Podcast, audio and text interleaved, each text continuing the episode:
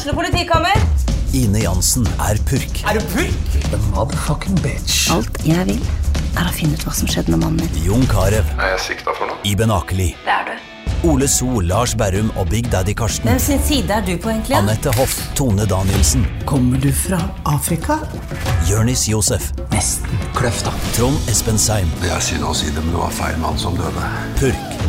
Premiere tirsdag på TV2 Play.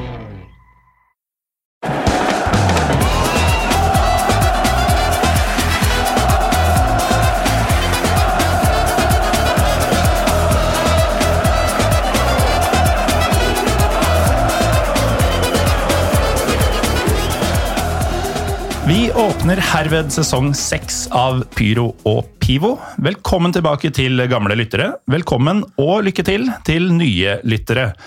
I dag så skal vi selvfølgelig snakke om Lionel Messi, FC Barcelona, Champions League-favoritt PSG og ikke minst Josep Guardiolas taktiske disposisjoner etter milliardkjøpet av Jack Grealish. Nei da, jeg bare kødder. I dag har vi, som så ofte før og som så ofte senere, vi skal snakke om øl, vi skal snakke om vanskelige grenseoverganger og kreative triks for å ta seg inn på et stadion der man i utgangspunktet ikke er velkommen. Og det skal vi gjøre med to Vålerenga-supportere som har vært med før, nemlig Lars Gau. Velkommen tilbake. Takk, takk. Du eh, avslutta forrige sesong, og du begynner denne sesongen. Eh, Du begynner å bli en viktig karakter i pyro-pivo-verden. Ja, mulig det. Ja, men Det er bra du, du er klar for å snakke mye. Uh, vi har også med oss uh, Per Karsten Nordhaug. Velkommen. Yes. Eller velkommen tilbake. Ja, det er vel, jeg må jo kalle det et comeback, er det ikke det det heter når du kommer tilbake etter veldig veldig lang tid? Ja, for veldig veldig lang tid er jo en greie. Altså, Sammen med Lars Johnsen fra Josimar så var du tidenes første gjest i Pyro og Pivo. Det stemmer. Ca. fem år tilbake i tid, faktisk. Og da var det ingen av oss to, eh, og i hvert fall ikke Lars, som ante noe om hvor dette skulle bære. Men her sitter vi da, fem år seinere, og episode 194, eller hva det er for noe. Så åssen har du hatt det siden sist? Det er veldig hyggelig å være tilbake. Mm. Vi har jo vært i en tid med altfor lite fotball eh, med folk rundt oss, så det, så det savner jeg. Og det er jo veldig trivelig å være tilbake også i, i studio med folk, og ikke bare se folk over Teams, som jeg Ja, ja. gjør, nok, gjør nok av til daglig. daglig. Ja, for det, det er jo en viktig greie her. Um, Lars, vi avslutta forrige sesong for eh, snart eh, to måneder siden, og det gjorde vi over nett. Og vi har i det hele tatt spilt inn ganske mange episoder sammen over nett.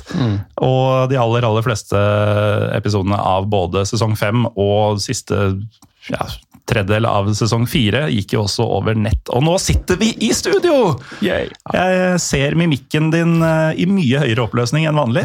Og ja, Per Karsten, jeg ser deg i det hele tatt.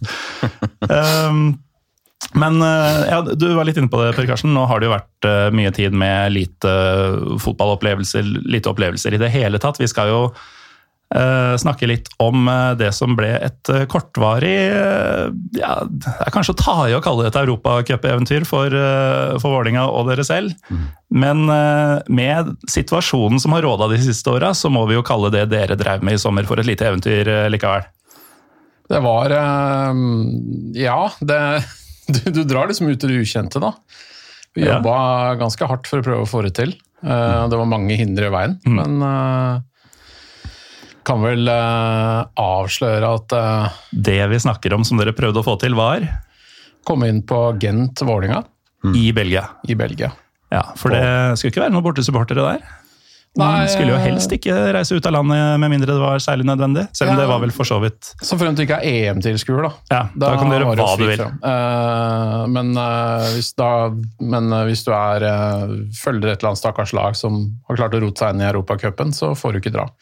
For, noen, for noen av oss er det jo lenge siden sist vi måtte kunne se Vålerenga i noe europaformat uansett. ja. Ti år. Så det, det var vel sånn når vi snakket, begynte å snakke om dette, at ja, dette måtte vi prøve å få til nesten for enhver pris. Mm. Eh, og det kan vel sies at vi også gjorde. ja, dere har jo nesten gått over lik her, men eh, eh, Lars, du eh, var jo med og snakka om eh, eh, ja, de norske lagenes motstandere, trekninger osv. tidligere i sommer.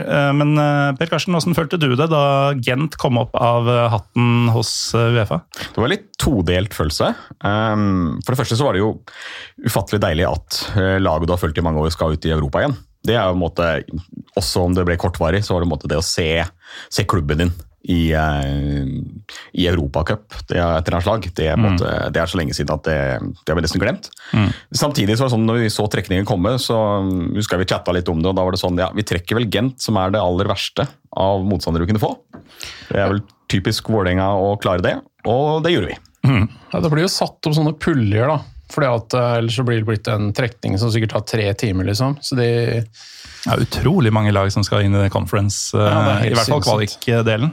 så det, Vi fikk en pulle med fem lag. da, Det var jo Gent, og så var det Santa Clara fra Portugal, fra Azorene. Ja, det er det ikke noe som er er ganske eksotisk. Et stykke på tur. Og så er det AGF Århus og Dudelange og Hibs. Eh, De tre siste kan jo kanskje være sånn sportslig duobol, da. Eh, I hvert fall uh, mot AGF og Dudelange. Mens uh, altså Gent er jo liksom ensbetydende med at da er ute. Ja, for det var litt sånn uh, Altså, det, det var jo ikke noen Marerittrekning er å ta i, men det er jo det verste av to verdener. For det er jo når du har venta i ti år, da, endelig skal ut i Europa igjen, så vil du gjerne ha noe litt ja, litt eksotisk, kanskje, eller uh, gjerne et land du ikke har vært i. altså Få en unnskyldning for å dra et sted du kanskje ellers ikke ville dratt. da. Ja, altså, Du vil gjerne kanskje ha mer enn én eller to kamper. ikke Ja, sant? Sånn at du ja, for du vil jo ha en overkommelig og- motstander også. Ja. Og her fikk man jo ingen en av delene. Du vil enkel en først, før du får den ferdig. ikke sant? Sånn Ja. der Wales eller et eller annet sånt noe først. Så, så er det fordelen hvis du får en, en, måte, en storklubb i da, runde to, ikke sant? eller en større klubb. Så på en måte er det bra for publikums eh, oppmøte på kamp. ikke sant? Det blir stemning, eh, skaper noe eget når det er en, du møter noe enkelt først, og så kommer det en eller annen stor godbit som fyller, eh, fyller eh, stadion. Ja, altså få sånn Nord-Irland, eh, Liechtenstein eh, eller Luxembourg, eller Færøyene i første runde, så man får en god tur og vinner litt og sånn. Og så kan man trekke noe ordentlig sexy i neste runde, når man uansett skal ryke ut, på en måte. Men her får man da Gent, som eh, er sportslig overlegne, selv om de det ble bra pynta i hjemmekampen. Eh, og kanskje ikke verdens mest spennende land å besøke, men heldigvis for dere så er dere jo fryktelig eh, glad i øl, altså på grensa til farlig glad i øl, begge to. Da er jo ikke en Belgia-utflukt eh, det verste, og jeg har bestemt meg for å feire litt turen deres med å ha med en eh, belgisk trappist, eh, Rochefort 8, eh, som vi nå har helt i våre bitte små glass her hos Moderne Media. Hva, hva det det blei litt trappistøl, vil jeg tro, Per Karsten, på Belgia-turen? Ja, definitivt. Eh, Når det da ble Belgia, og eh, man innså at man kunne reise til et av de landene som jo har et fantastisk utvalg av øl, både lokalt produsert og også måtte er et ølland, så var det ok. Vi tenkte at eh, det var verdt å dra nesten selv om vi ikke nå klarte å karre oss inn på kamp, så ville det være verdt å ta turen. Fordi det er så mange bryggerier å besøke, og trivelige puber og spisesteder å besøke, og trivelige folk å, å møte. At det, um, jeg har tidligere aldri vært i Belgia utenom å ha kjørt gjennom det på vei til Frankrike engang.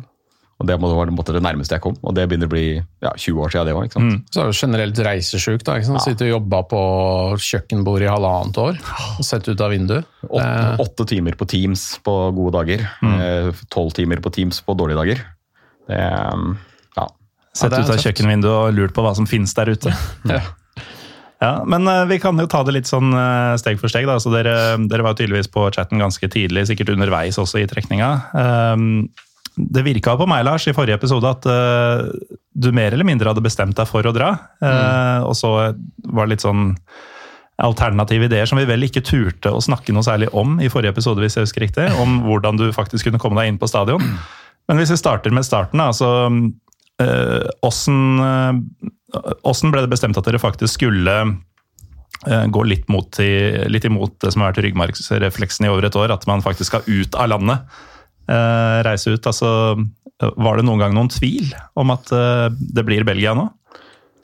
Jeg vet, jeg vet ikke med Lars, men for min del så var det aldri noen, noen tvil når eh, om det var Lars eller en av de andre i reisefølget som spurte om jeg ville være med. Så var det sånn Ja, vi vet jo ikke om vi kommer inn eller om vi får sett kamp, eller om vi må henge på en pub og se den der, eller hvordan det funker i Belgia. Aner ikke om det er fotballpuber, om det er vanlig sånn som her, eller hvordan det er. Men når de først spurte, så så jeg på en måte Ja, jeg har ikke planlagt så mye ferie, og jeg har en uke som jeg ikke har og ikke jeg eller samboer har la- lagt noen planer. Så hvorfor ikke? Altså, Kan vi reise? I verste fall så får vi en fin tur med masse øl og godt selskap. Ja. Og Ja, det var ikke noe, så Jeg var så heldig at jeg var fullvaksinert på det tidspunktet der òg. og liksom grønt koronapass, og da bare se på disse belgiske innreisereglene og sette seg inn i det. For Ja. at, eh, det er jo det som, Hver gang du leser om at det er sånn grensekaos og kø på Gardermoen og sånn, det er jo stort sett bare folk som ikke har giddet å lese seg opp på reglene. Hvis du har det formelle i orden, så går det kjempefort. Ja, det gjaldt uh, Belgia også. Det var rimelig grei skuring. Og... Ja, Da var det supersmooth. Eh, Du så jo De som ble stoppa, var jo folk som ikke hadde måte, fylt ut innreiseskjema eller ikke hadde koronapasset sitt i orden. Jeg var jo såkalt halvvaksinert, så jeg måtte jo i sånn eh, tredagers eh, hjemmekarantene når jeg kom hjem igjen. Ja, men Eh, ikke i Belgia. Ikke i Belgia, nei. Nei. Så, eh, for det er, på en måte reise til Belgia, i og med at vi kom fra som du kaller det, et grønt land da. Så var det, så det eneste de spurte da vi kom på flyplassen, var jo ok, eh, ja, hvor ankommer dere fra? Og da sier vi Oslo og Norge. Da var det sånn ja, Hvis du kommer fra Vestlandet, eh, så var det annerledes. For der var altså Bergen og Downking var vel da gul. Mens eh, situasjonen i Oslo var grønn, så da var det måte helt ok. Ja, for du måtte fylle ut et sånn innreiseskjema på forhånd på nett. Eh, og da måtte du legge inn hvilke regioner du hadde vært i og sånn i Norge. Eh, men når, når vi landa der, så bare spurte de i den kontrollposten om vi kom fra Oslo-flyet. og Da bare vinka de oss gjennom. Men eh, når man gjør det på forhånd, altså bestilte dere flybilletten og så fikk noen mailer på dette formelle må være i orden for Belgia, eller måtte dere finne ut av alt sjøl? Brukte litt eh, Google-tid, for at, uh, det er veldig vanskelig for flyselskapet å holde seg oppdatert på alt. Ja. det? Det er jo mareritt for de, samtidig som de er ansvarlig for deg som passasjer. da. Så, men eh, jeg husker ikke om SAS informerte om det skjemaet, tror du? Jo, jeg, jeg, ikke, ikke direkte, men, de, men SAS og også andre flyselskaper som jeg kikka på om det var liksom mulig å reise osv., da, da, da lenka de det videre bl.a. til FHI og norsk UD. Ja. eh, Som jo har reiseregler og reiseanbefalinger. ikke sant? De sa at eh, Husk å sjekke disse sidene, og de sidene pekte med en gang på at skal du til dette landet, så må du fylle ut skjema her. Skal du til Argentina, så må du fylle ut skjema der, osv. Så det var ganske framkommelig. Det var For, det, det, for meg som ikke har kikka på disse greiene, så virker det som en jævla jungel. Men eh, det høres jo ganske strigla ut. For meg var det sånn, jeg jeg oppfattet det mer som det var ett ekstra steg Ja. kontra å bestille billett til vanlig. Eh, og for de som har reist til USA før, så vet du at da må du jo fylle ut et sånt innreiseskjema. Det måtte du jo lenge før eh, korona også. Ja. Men det, var, det fikk man jo heldigvis på flyet. Ja, er, ja, I moderne tid så må, måtte du også gjerne registrere deg på et sånn eget nettsted for, for USA. Og da, så måtte du, Den, kall det muscle memory, eh, hadde man jo eh, når man skulle ut og reise nå. Da var det sånn, Selve skjemaet og utfyllingen og bekreftelsen og alt sammen var veldig ryddig. Og den norske løsningen med måte, koronapass, som også er synkronisert opp mot EU sine løsninger, funker jo funker helt fint. Ja. Eh, det eneste som var uvant, var at du må, eh, i utgangspunktet sto at du måtte ha med en papirbasert utgave. Å ja. Eh, For det var ikke sikkert at de ville være i stand til å måtte sjekke din elektroniske på helsenorge.no eller, eller sånn. Så du måtte i utgangspunktet ha med dokumenter på papir. Men det ble vi aldri spurt etter. Nei. Altså om vi hadde papir. De, de så på appen du hadde på telefonen osv. likevel. Så det var kanskje mest fordi hvis du er uten nett, så må du likevel greie ikke sant? Ja, det er sånn anbefaling for å være helt sikker. Det er jo litt det samme med, apropos USA, det derre ESTA som har tatt over for visum for ja, sånne som oss. Uh, der er det jo også sånn at All informasjon blir jo lagra i passet ditt, på en måte, eller mm. kobla til passinformasjonen din. Så når du ankommer i USA, så trenger du ikke å vise noe annet, egentlig. Men du skal jo da helst likevel ha med det papiret. da. Um, men uansett uh, høres jo ut som det er uh, ganske greit, eller var på den tida ganske greit å komme seg fra Norge til uh, Belgia. Ja, de, de, var vel mer, de var vel mer strenge når vi skulle inn igjen på, i, fly, på flyplass, altså inn, inn i flyplassbygget igjen, for vi fant ut at vi skulle ta tog istedenfor taxi. Mm. Og da var de veldig interessert i å vite hvorfor vi skulle inn igjen, og sa vi skulle til togterminalen. Å ja, ok, vær så god. De har jo hatt noen jævla terrorangrep på den flyplassen her. Uh, Ja, for dere fløy til Brussel. Det var de gutta som uh, yep, bura inn der med disse svære kassene på traller som var fulle av eksplosiver. eksplosiver. Men jeg hadde en annen utfordring for rett før jeg dro.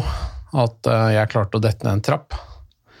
Ehm, på et sånn sommerhus som vi besøkte ute ved Molde. Så jeg legger skylda på Molde. Ja, men det skal man. Så da var det sånn fire rotasjoner, tre-fire ned trappa, og så slo jeg huet i bånn. Så jeg hadde jo brista eller forskua halebein og ribbein. Så jeg var på nippet til å ikke dra Um, Ja, det, det, var, det var noen runder med overtaling. Uh, mye forvandlelse faen, av uh, Moldor, som vi liker å kalle det. Uh, da på en måte, Ikke minst timingen og si på en måte, ok, hvorfor gjør du dette nå? Ja. Men så kunne man jo også bare si, Lars, eh, så vondt som du har, så er det jo det beste å bare drikke sinnssykt mye øl. Og det fins vel et land i Europa hvor det er bedre å gjøre enn andre. ja, Problemet er at du kan ikke kombinere det med Paralgin Forte. Nei, du må velge, da. Dagen, dagen før lå jeg rett ut med Paralgin Forte, og så var det avreisedagen. Så ble det bedre utover dagen. Vi hadde jo ikke fly før fire eller noe sånt. Mm. Uh, morgenen så klarte jeg ikke å stå opp, men så ordna det seg. Så under avtale om at de bar kofferten min, så jeg reiste jo med koffert. Eh, noen vil selvfølgelig bemerke at jeg er urutinert, men ikke hvis du skal på bryggeribesøk i Belgia. Nei, det er Så samme grunn som at jeg alltid sjekker inn bagasjen når jeg skal til Balkan. ja. Eh, Man, skal jo, man får jo ikke rakia her. Nei. Man må jo ha med i hvert fall én flaske, som man har lov til. Ja, nei, jeg, vet, jeg brukte vel dette mer som en uh, hva heter det, eh, rekognosering enn en handletur. Så det får bli neste tur at det blir minst én innsjekka koffert. Eller bil eller noe. Men uh, dere ankommer altså Brussel eh, flyplass. Tar toget rett til Gent, eller? Var det en natt i Brussel eller noe sånt først? Og to netter i Brussel. To netter i Brussel. Ja. Da ramla dere vel fort inn på Delirium kafé, da, kan jeg tenke meg. Ja, eller vi dro faktisk på Vi var der også, men eh, vi dro på noe som heter Moder Lambic. Som yeah. er et veldig, veldig sånn ølnerdsted. Ja, med særlig vet dere, lambic annen surøl osv. Det er jo surøl som er en av de tingene Belgia er kjent for. Mm. Og det var jo, eh, ja, Vi kunne jo sittet egentlig, Hadde det ikke blitt fotballkamp, alt sammen, så kunne vi jo sittet på Moder Lambik og tilsvarende steder egentlig hele turen. Det hadde gått helt fint. Det er ikke bare surøl på Moder Lambic, eh, for det er jo ikke for alle surøl. Det er rimelig sære greier. Men uh, de har jo altså, masse av den som beste belgiske ølet, da. Som, som trappist, Som vi, Ja, som vi sitter og drikker. det, nå har vi jo hatt denne åpen en liten stund. Det er 9,2% alkohol. Det er vel det de kaller lunsj i Belgia. Ja. Hva, hva syns dere om denne? Syns den er god. Ja. Det er, um, det er ikke noe, er um, ikke noe gærent med Trappist Rochefort. Det er, veldig søt, sterk, kraftig. Mm. Kanskje Skummel. ikke egentlig nå drikke i et sånt uh, 30 graders rom som vi sitter i nå. Det er mer sånn hytta i påska. Ja, men nå prøvde jeg å gjøre noe hyggelig for dere, Ja, jeg skjønner det. Setter pris på det. Uh, Men vi har noen kalde pils til etterpå, for det, det er jo ikke Eller det- 33 centiliters flaske delt på tre folk, den holder jo ikke hele sendinga. Men grunnen til at de lager øl, det er jo at uh, Hvem? Munkene Munkene. i Belgia? Ja, for De- trappist er jo munke... det munkeorden, Mm. og de har ikke lov til å få penger. Så de må tjene egne penger, og derfor så har du Det er ganske mange sånne trappistklostre. Så er det noen få av de brygger øl, så noen lager ost, som også visstnok er veldig veldig bra. Mm. Og en del andre sånne produkter. Da. Men de som har spesialisert seg, spesialisert seg på øl, de, de kan det. ja. Ja. For du har, jo, du har jo munker rundt i verden som får almisser, ikke sant? men det, det skal i utgangspunktet ikke det, Disse klosterbrødrene skal ikke ha det, så da må de livnære seg på noe annet vis. Og da begynte de på et eller annet tidspunkt å produsere øl. da. Det, det er jo, nyter jo vi andre veldig stor, stor glede av nå. Jo, men altså, jeg, eh, jeg antar eh, med ganske stor sikkerhet at eh, vi er en, en ganske lite religiøs eh, trio. eh, Og man kan jo si mye om eh, munker, men dedikerte til det de driver med, det er de definitivt. Og eh, med det i tankene sånn generelt, og med viten om åssen ølet deres er, så er jeg rimelig overbevist om at den osten er ganske bra. ass. Ja, jeg tror det også. Jeg har lyst til å smake sånn en gang. Peter, Når du dedikerer livet ditt til å tjene Gud og brygge øl, Mm. og du sannsynligvis gjør begge deler ganske bra, så måte så ja. Og du har ikke noe annet å bruke tida di på. Nei, det er nettopp det. Du, du brygger øl eh, når du ikke tenker på Gud. Eller så tenker du du har sikkert noe Gud i ølen også. Ja. Sannsynligvis. Ja. Men uh, Brussel, ja. Uh, mye, mye ølnerding. Var det, var det noe mer eh, den byen hadde å by på? For den er jo litt sånn Den er, den er litt ymse. Ja. Um, Det er veldig sånn organisasjonsby, må jo være lov å si. Hovedkvarter for alt mulig av Ja, du europeiske har EU-parlamentet, eller hva det heter. Kommisjonen, er det det heter. Ja, det sånn kommisjonen, vel. Mm. Og det er jo glass og stål og sånn, men det er jo ikke der du drar eh, liksom, hvis du er der. Men du har jo også den sida av byen som er trange brosteinsgater og skeive bygninger og fortauskafeer og, og sånt noe.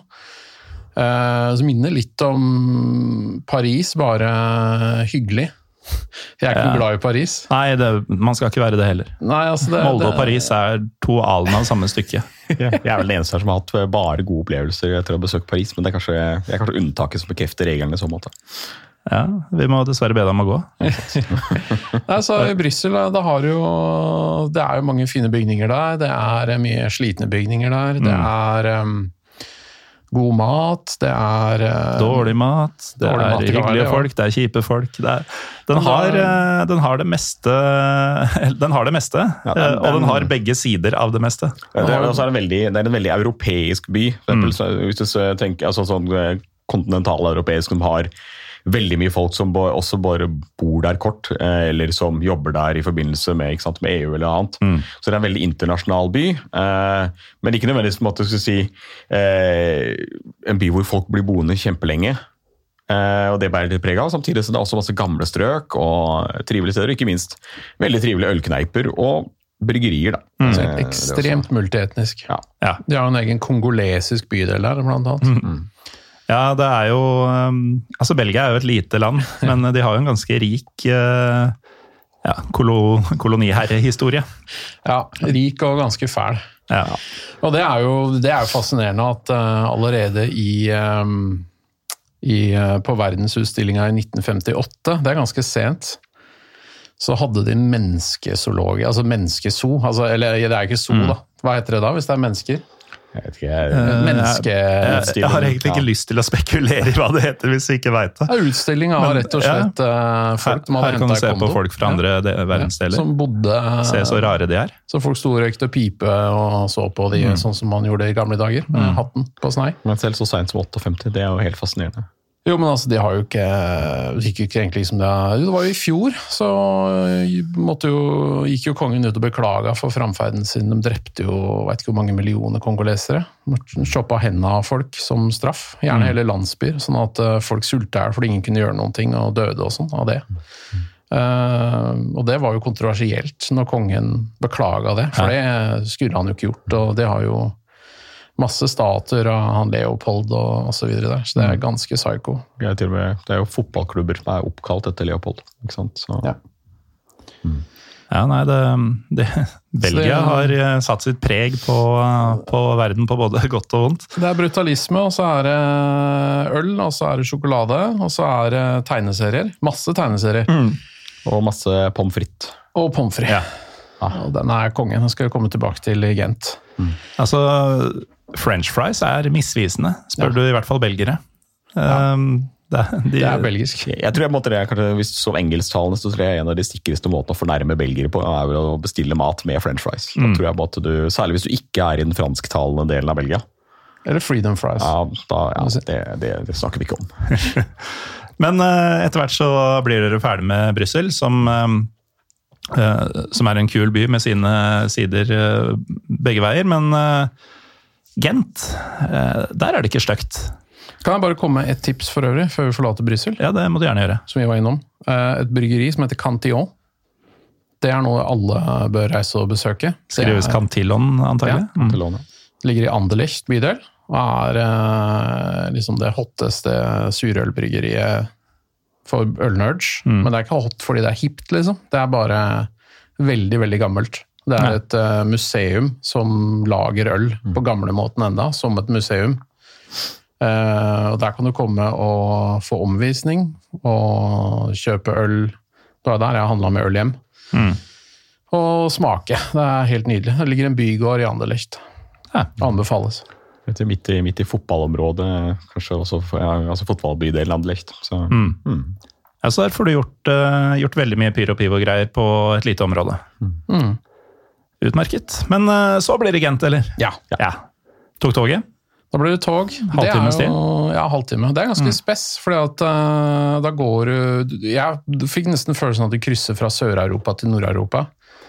Ja. Fra en by som snakker fransk, og som er liksom litt sånn uh, litt mer sørlig, og så til da Flandern, hvor de snakker flamsk, og Og folk- alle snakker engelsk. Alle som om om du var i Nederland. Og det er liksom, også Hvis du kan tysk i tillegg, så er det jo kjempelett, for at de sier jo links og rechts. Mm. og Eh, arkitekturen i Gent er jo helt annerledes. Det er store sånne åpne plasser. Det er sånn gammel sånn nordeuropeisk middelalderby. da. Og så ser det ut som Nederland, da, på en måte.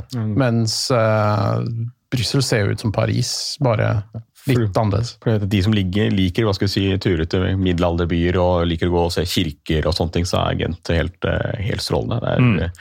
vakre katedraler som ligger måte, vegg i vegg med trivelige spisesteder og mm. breie gater. Og, Ja, og kanaler og Ja, kanaler, da. Gent er en av de fineste byene jeg har vært i.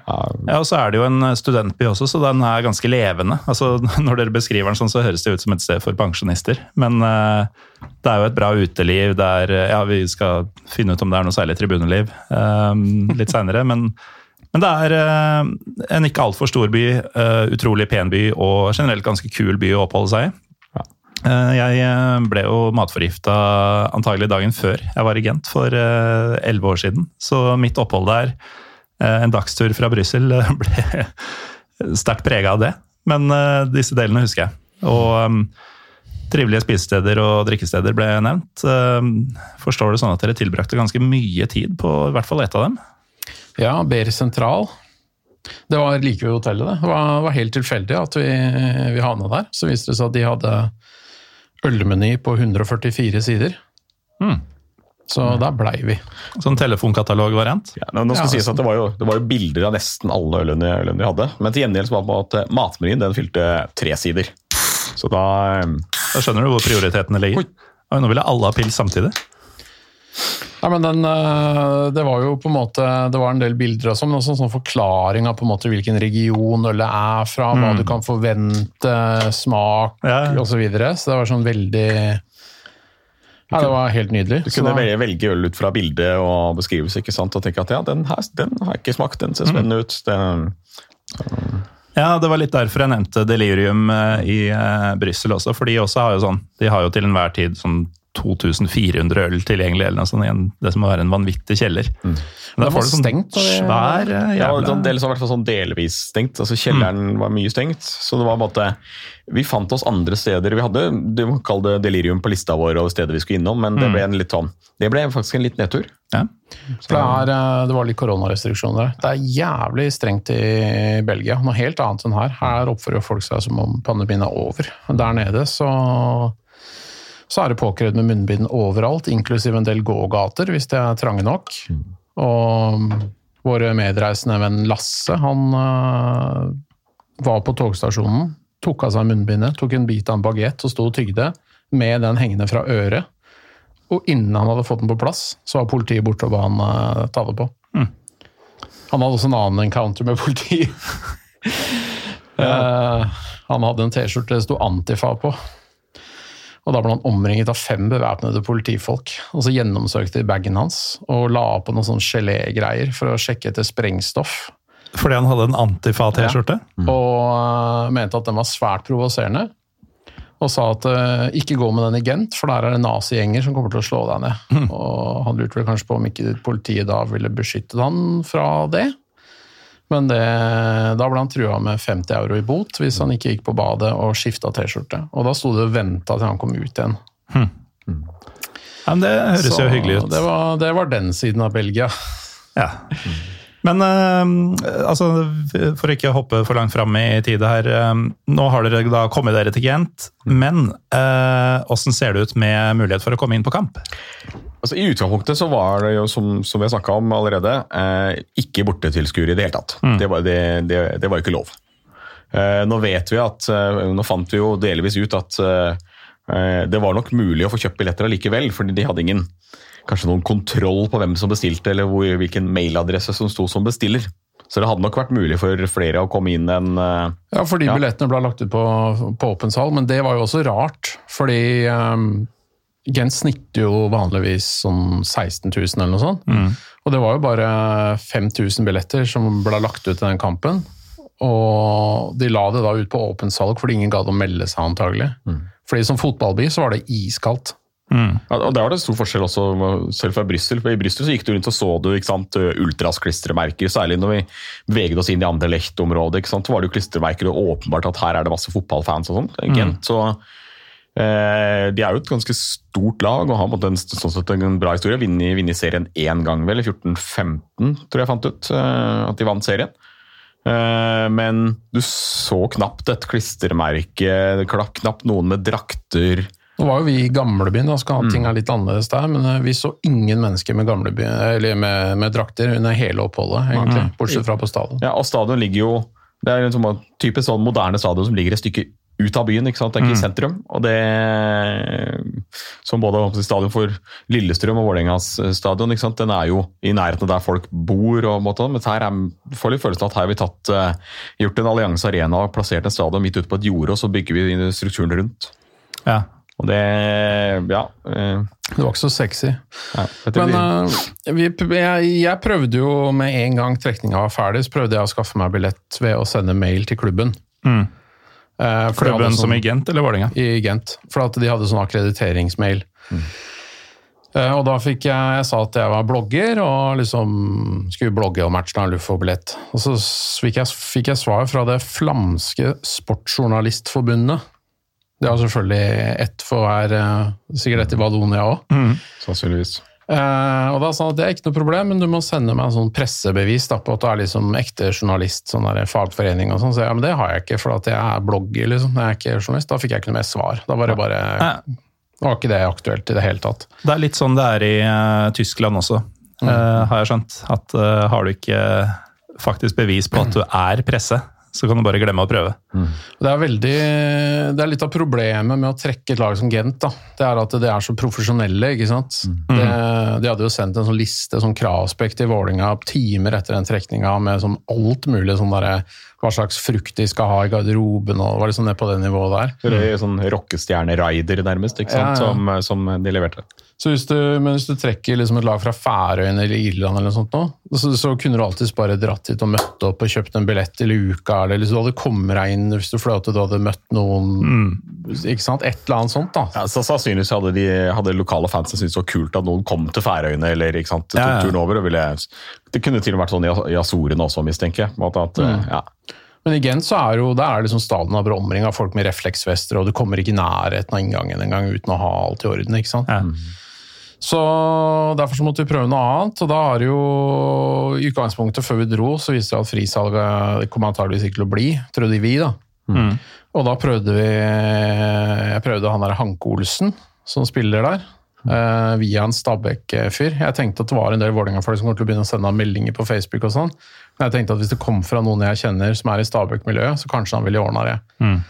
Han svarte tilbake at det skulle han prøve, og så hørte vi ikke noe mer. For da har han sikkert fått 100 meldinger fra andre folk ikke sant? som allikevel ikke endte opp med å dra fordi de bare er drømmer. ikke sant? Ja, ikke bare det, Han kunne også fått beskjed fra klubben hvis han, hvis han faktisk spurte om at nei, eh, Uefa sier ikke bortefans, så da selv ikke kompiser av laget kommer inn. Ja, for da hadde Uefa trua med bøter. Det sto i den der, um, det der skrivet fra Uefa at uh, bortefans som nærmer seg stadion i organisert på en måte, de, da blir det bøter. da. Det er så absurd at det er samme sommer som de hadde Ja. EM på kryss og tvers, og til og med utafor kontinentet. Men det bortefølget Ungarn hadde i München, Ja. Det, det henger jo på greip. ja, det er skikkelig bra. Så, men redninga ble jo Vålerenga sjøl. Fordi uka før matchen så la plutselig de ut at uh, all akkreditering av norsk media skulle gå via Vålerenga, og så skulle de melde det inn til Gent. Ja. Og det var jo løsningen, da. Så da meldte jeg en A-prope. Ja, for da var du tilbake til plan A, den som Ja. ikke hadde fungert hos Gent. Du bare kjørte den samme via Vålinga. Ja. Via Vålinga, det var ikke via er Vålinga. Og så Per Karsten meldte seg opp uh, også. Ja, um, som da Men du er jo ikke noen blogger! Jeg er ikke blogger, men uh, skal man først reise på fotballkamp, så vil det jo trenges en fotograf. Er du fotograf? Jeg har satt min fot i speilrefleks eh, før, men, Ah, okay. men jeg vil overdreve sterkt å kalle meg fotograf. Eh, Mitt forrige semiproffe kamera det lå noen år i min eh, loftsbod, som så, så ble så stjålet. Så vi måtte jo eh, ut og låne kamera av noen som hadde proft slash semiproft utstyr. Det ordna seg. Eh, Og når vi så reiste nedover, så fikk vi jo nyss om at det var andre som også eh, skulle ta turen. Og en av disse hadde faktisk en sånn telelinse som du ser sportsfotografen har. Sånn svær, grå eh, telelinse. Eh, som jeg da fikk låne. Og så er det da- proffet. Da, eh, det eneste jeg ikke hadde, og som gjorde at hva skal jeg si, kanskje 250 av 400 bilder eller sånn, ikke ser spesielt bra ut. Det ble noen blinkskudd, men ikke, ikke, noe, ikke så stor andel. Jeg hadde ikke noe stativ. Det, jo, det var jo én annen fotograf, nei to andre fotografer på, på, på kampen. En eh, belgisk og en annen eh, norsk sportsjournalist. Og eh, de hadde kanskje tilsvarende eller proft utstyr, men det gjorde at jeg, jeg har jo aldri vært nærmere en fotballkamp, selv på hva skal jeg si, annet enn på sånn cupkamper på Grorud, eller sånn, hvor du står, henger langs gjerdet. Her sto jeg jo på indre bane typ tre meter fra Med sånn eh, fotovest. med fotovest og sånn fotobevis. Eh, digert kamera. Og eh, i og med at agent klarte å score fire ganger. Eh, jeg hadde ikke med ordentlige ørepropper, de angrer litt. Det ble mine, hva heter det, sånne eh, AirPods i øra som dempet når de Jeg vet ikke om vi skulle innom det senere, men de kaller seg jo selv Buffaloene. av en gjør det. Bøfla, vet du. Ja, Jeg var, jeg var jo på Gentkamp eh, den gangen jeg hadde store interne problemer. Eh, Laget til ditt eh, hjerte.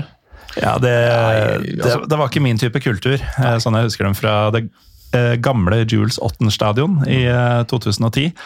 Eh, Men jeg husker at eh, omtrent hver sånn eh, announcement fra speakeren ble avslutta med Buffalo! Ja, Driver han fortsatt på sånn? Ja, de, de gjør det. Eh, eneste grunn til at de virkelig trengte øreproppet, var jo at når de scora, så spilte de jo ikke overraskende sånn eh, øredøvende teknomusikk. Euro trans dance. Eh, nå, er, nå er jo flere av oss vant til å gå på stadioner hvor de spiller eh, musikk når det scores, men dette var kanskje noe av det er lov å si, noe av det jævligste av sånne skåringsfeiermelodier jeg har hørt på lenge. Ja. Eh, og så hadde de som sagt noen sånne Buffalo-feiringer. da. Eh, må innrømme at eh, jeg satte meg ikke inn i dette før vi dro, men jeg har lest litt om det etterpå. Så det er jo det er noen obskure, men logiske årsaker til at de kaller seg selv Buffaloer. Men eh, Ja, men Folk var jo veldig fascinert av Ville Vesten på den tida der. Du hadde jo, Den tida der?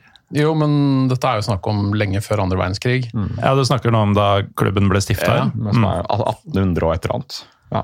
Ja, for det greia er jo at det var den, altså Nå vet jeg ikke når dette var, men personen som het Buffalo Bill, var jo en ekte person. Som var en sånn der, hadde en sånn westernsirkus som turnerte Europa eh, på et eller annet tidspunkt, rundt 1900, tror jeg. Og han trigga jo en sånn ekstrem interesse for Ville Vesten i Europa, som satte seg generasjoner. Og som er egentlig grunnen til at vi har sånne der westernbyer med show og sånn nedover i Europa i dag. Og for eksempel antageligvis den fotballklubben her fikk den logoen. Og mm, en sånn greie for um, uh, eksempel eh, westernbøker, litteratur, som er en egen sjanger i Europa. Eh, I Tyskland så er det kjempesvært. De har jo en forfatter som heter Karl May, som er en av de mest leste forfatterne i Tyskland, tror jeg. Han skrev jo westernbøker.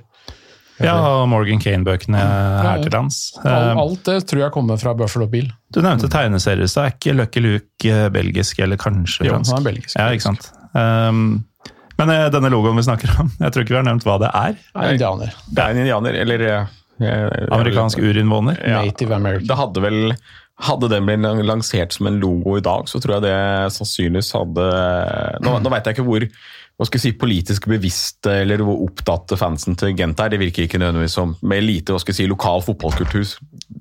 Ikke for å fornærme noen i, i Gent nå, men vi så jo som sagt ikke en eneste fan før vi dro, tok bussen til stadion. Nei, så det inntrykket dere fikk av Gent sånn i forkant av kamp, var jo da beskjed fra snuten om at her er det masse nazister ja. som vil dere vondt, og eh, ingen fotballby. Mm. men eh, altså, bråkemusikken til side, åssen var eh, publikummet? Det var jo ikke så mye folk på matchen, da. Det Nei, for de klarte ikke å selge ut de 5000. Nei, det var tre og et halvt der, eller noe sånt. 3,5-4, tenker jeg. Mm. Eh, stadion er jo, stadionopplevelsen er jo som det er på en moderne stadion. Du, det er eh, god utsikt og sikkert gode fasiliteter. Lite Eh, særpreg, kanskje? Lite særpreg, men du skal ha for at eh, De sang jo nesten ikke, og sånn, for det var ikke noe organisert sangfelt. og sånn, Så jeg tror jo det at hvis du hadde hatt 1500 Vålerenga-fans der inne i det hjørnet, så hadde det blitt et sinnssykt øs. Fordi eh, når de scora, så ble det jævlig mye lyd, for den er tydeligvis utforma for å liksom maksimere lyden. da. Det er kult. Så jeg tenker meg på en eller annen storkamp når de får Standard Liège på besøk, og sånn, da er det vilt der inne. Ja, altså. når de får, det er jo En av erkerivalene er jo Standard Liège. Og da, da ser jeg for meg måte med full stadion der, og sånn som den akustikken er bygd, så vil det være kjempebra. Særlig hvis du på en måte får ja, Det kan det godt hende når de har full stadion og det er serie, at de da har et sangfelt og det er mer, mer trøkk. Her var det på en måte under en fjerdedel av stadionkapasiteten var brukt, ikke sant? for den er vel på rundt 20 000 eller sånt eh, stadion tar. Ja. Og alt er i én ring, det er Ja. ikke to eh, nivåer. Ja, Så det er én etasje? Én etasje. Ja. Og så Så jeg- har du ganske høye vegger med sånn kontorer og VIP-arealer og sånn. Og så har du sånn tak over som lukker over, da, så det blir sånn trykkoker der inne, Ja, sånn- faktisk. Du skal sånn- for det, altså. Ja, så når de kjørte sanger, det, altså det lille de kjørte sanger, så skjønte du fort at med 10 000 til på den stadion, Ja. Så blir det trøkk. ja. Og en motstander de har et forhold til, Ja, altså sikkert. de bryr seg om. Det, altså, det, det hører jo med til at uh, Gent hadde vel annonsert hva den neste motstanderen var allerede før kampene mot Vålerenga var spilt. Ja. Og så vinner de 4-0 over oss. Det er liksom bare Ja. ok. Jeg tror eneste positive Vålerenga gjorde i den kampen, her var å spille med sørgebånd. For det var jo ti år siden 22. juli, den dagen. Eh, men de møtte jo ikke ordentlig opp til kampen. Uh, du så det f.eks. Sarawi, da, ikke sant? mye skal gå gjennom han. Lille driblefanten er jo vant til å ha litt eh, tid og rom da, i Norge, men der så var det bare på'n med en gang, og da mista han ballen. Hele tida. Ja. Samme med, samme, du så det med forsvarerne også. De, ble, de er kjappe nok for norsk eh, tippeliga. Men eh, altså, å se både, både Nation, Jonasson, Tollås Nation og ja, Nesberg og, og co. De ble jo fraløpt. Ja. Eh, Rett og lett, det var liksom sånn Du så at gutta fra Gent var eh, et nummer større, raskere, sterkere. Eh, Men samtidig, eh, de var ikke så mye bedre eh, at hvis Vålerenga hadde måttet ha vært hakket mer motivert og mer klar mindset-messig for kampen, så kan godt hende at eh, kunne hende de hadde klart å skvise ut at de tapte 2-0 isteden. Og da hadde Og da- vi vært videre nå. Ja. Ja. For vi rævkjørte dem på, På, på i. Oslo. Men uh, man kan jo si det samme, at de kom dit med 4-0 til Oslo, Ja, og hadde da tilsvarende svakt mindset Ja, der. det, men, ja, det kan godt hende, men de stilte jo ikke med noe B-lag i Oslo. Det var de samme, med et par unntak, de samme elleve som da måtte knuste Vålerenga i, i, i Gent.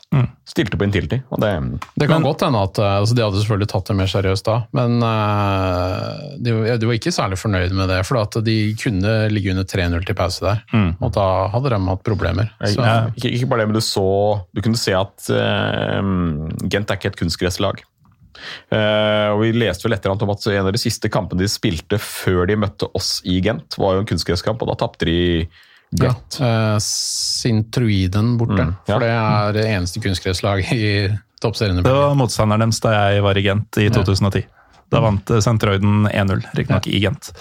Eh, Kanarifugla for øvrig. Kanarifugla mot Bøfla eh, så jeg Det bare i Er det blir litt sånn, det blir litt sånn schizofrent vanskelig valg for deg hvem du skal heie på da? Eller det, ja, Men jeg var mer, eh, mer enn opptatt nok med å finne veien til dass hele tida. ja. Ja. Um, ja, så um, En blanda opplevelse høres jo dette ut som, men det må ha vært en seier for dere å eh, komme opp med alle disse hårete ideene til åssen komme seg inn, og så faktisk lykkes med det. Ja, og ikke bare det, men vi var ikke det eneste som kom inn. Nei, det blei jo en liten kontingent. Fordi Denne Antifa-Lasse kom seg inn, sikkert, blant ja. Antifa-Lasse og uh, Ulrik Motsfeldt uh, var inn. og vi var jo pressa alle sammen. sammen. Advokaten, men det var også Vålerenga-fans på tribunen. Det var det. Mm. Som hadde klart å kjøpe i det åpne salget? Ja, salget. fem- Fem-seks stykker. Mm. de hadde kjøpt løsbilletter, og så hadde de Men de, de hadde en litt annen mentalitet enn oss. da. Vi, vi satt jo der og liksom smakte på jåleøl og var veldig sånn på koseferie. Og så kommer disse gutta her, da, rett av fly og liksom eh, skal jeg, si at du, De, de, var på, de var på klassisk bortetur for Vålerenga. Ja. tror jeg på at med øl og rølp, som, er, som også er moro. Det er moro, det, men hvis du sitter på en rolig utekafé i Gent, i gamlebyen i Gent, klokka ett på ettermiddagen med forretningslunsj spisende folk rundt deg, så er kanskje ikke det tidspunktet å begynne å ta over sånn stå og synge og liksom dominere torget, da. Med eh, ni personer, hvorav fire ikke er så keen. Og ikke minst ikke har lyst til å si, miste akkrediteringen hvis noen finner ut Ja. at vi er, egentlig er liksom uh, rølpete Vålerenga-supportere. Så jeg- Vi var litt redde for det at uh, hvis de gutta begynte å flagge veldig høyt, så kunne vi kanskje bli gjenkjent en eller annen, for det er ikke så store forhold der. Og det Nei, det viste det seg at det ikke var heller, men det løste seg for de, for det som skjedde var at seinere på kvelden så, eller dagen etterpå var det, så hadde de sittet på en kafé. Uh, og så samtidig med at uh, supportkoordinatoren til Vålinga hadde vært i telefonkontakt med supporterkoordinatoren til Gent, hvor han da han i Gent hadde sagt hele tiden at nei, eventuelle bortefans som dukker opp, får ikke billetter. De kommer ikke inn. For det er på en måte han forplikta av klubben å Klubbene. Mm. Så viser det seg at uh, plutselig gikk det en fyr forbi på kafébordet hans og slang ned et klistremerke som det sto Vålinga på mens han gikk på do. Så viser det seg at de der skrålete utlendingene som hadde sittet på kafébordet ved siden av, det var eh, tilreisende Vålerenga-fans. Så han tok kontakt med de, og så viser det seg at de allerede kjøpt billett via den åpne løsningen. Eh, og så skjønte han at dette var ikke noe gærne ultras som skulle kaste pyro på banen. Sånn, liksom. Så da sørga han for at de fikk sitte på et eget sted på stadion, som allikevel ikke var utsolgt. Og de fikk ølservering der inne, så jeg. Og, så de kom inn på matchen. Han ene fyren hadde kjørt ned. For at problemet var at SAS kansellerte Brussel-flyet på onsdagen. Og dette var match torsdagen, vi fløy mandag. Så det var flere som fikk kansellert fly. Og så er det sånn, ok, hva gjør vi da? Hvis du flyr KLM, da havner du via Amsterdam. Og Nederland er et rødt land, så grensa mot Belgia er stengt. Eh, Da må du komme andre veier. Så han ene fyren hadde kjørt elbil fra, fra Oslo. Og så rundt Nederland, og så gjennom eh, flomområdene, da. For det var jo det òg, ikke sant? Sant det. Uh, Sittet og stått på en sånn hurtiglader i Liège og sett liksom flomskadene utover. Da, hvis han har ladet av bilen. Så, men det løste seg for alle, så alle kom inn. Ja, På et tidspunkt så var det jo, eh, i og med at det ikke var så mye hva skal jeg si, syngende fans, så kunne jo særlig jeg da som sto på indre bane og var, en måte, fikk med meg det meste som omtrent ble sagt fra den, minste lille supporter på tribunen. Ja. Hørte jo plutselig på et tidspunkt plutselig disse fire-fem gutta dra i gang en Vålerenga-sang. Og det hørte jo hele publikum, og det var ikke noe som jeg skjønte, De fikk ikke noe bråk for det. Det var ingen som syntes det var liksom eh, Jeg tror de fleste syns eh, Jeg, jeg tippa de fleste lokale fans syntes det var faktisk litt kult. At noen hadde klart å komme inn tross liksom begrensningen og sang, dro i gang noen Vålerenga-sanger. Særlig på stillingen 0-3. Altså, eller 3 Ja, og så er 3-0 man, man fire-fem stykker. Altså, er det, det- det er jo bare søtt, på en måte. Ja, det er bare koselig. Da er det liksom så, Jøss, dere er kule. Dere Det er en seier er- og for oss, føler jeg, da. Ja. Å bare få ut noen sanger på matchen, liksom. Det synes jeg. Ja, men det er kult. Um, før vi eh, reiser hjem igjen, eh, både billedlig og bokstavelig talt, um, er det noe mer dere um, har lyst til å si om, eh, om turen, om Gent, om stadionet, om Storflis. Storflis, ja. Eh, lokale, hva heter det? Ja, la oss kalle det lapskaus. Hva? Jeg trodde det var en lokal kjønnssykdom. Eh, høres sånn kunne høres sånn ut, men det er da eh, tilsvarende som er i praksis eh, I Norge kaller vi det vel heter det sosekjøtt eller kjøtt i mørke, eller et eller annet sånt, som er i praksis da kjøtt og litt grønnsaker i mørk saus. Mm.